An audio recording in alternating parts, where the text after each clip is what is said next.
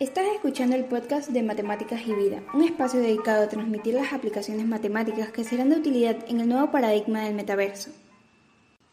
Bienvenidos todos, soy Ivana Castro y el día de hoy les voy a hablar acerca de Photomat y GeoGebra 3D, las cuales son unas aplicaciones matemáticas que poseen funciones que serán muy beneficiosas en el entorno virtual del metaverso.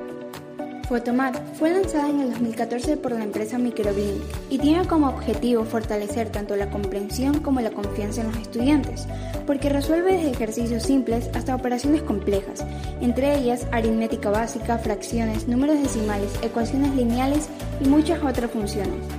Esta será de gran utilidad en el metaverso ya que por medio de la realidad virtual y aumentada que emplea permitirá la sensación de presencialidad, facilitará la efectividad del aprendizaje y proporcionará sostenibilidad. Por otro lado, se encuentra GeoGebra 3D. Esta aplicación fue creada por Mark Hohenwarter y ofrece a las personas la posibilidad de construir modelos tridimensionales, tales como sólidos, superficies, curvas, entre otros. Esta será muy beneficiosa dentro del metaverso porque permitirá vivir experiencias de realidad virtual y realidad aumentada ya que por medio de un dispositivo móvil se puede analizar, detectar el entorno alrededor y generar un mapa interno del sitio.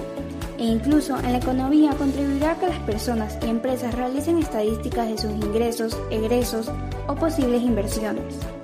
En base a ello, puedo concluir en que Photomat y GeoGebra 3D serán de gran utilidad en el metaverso, ya que permitirán que todas las personas resuelvan operaciones matemáticas e interactúen con objetos digitales de manera que podrán estudiarlos más detalladamente y obtener respuestas con explicaciones al instante. Espero que la información proporcionada haya sido enriquecedora y nos vemos en el siguiente podcast.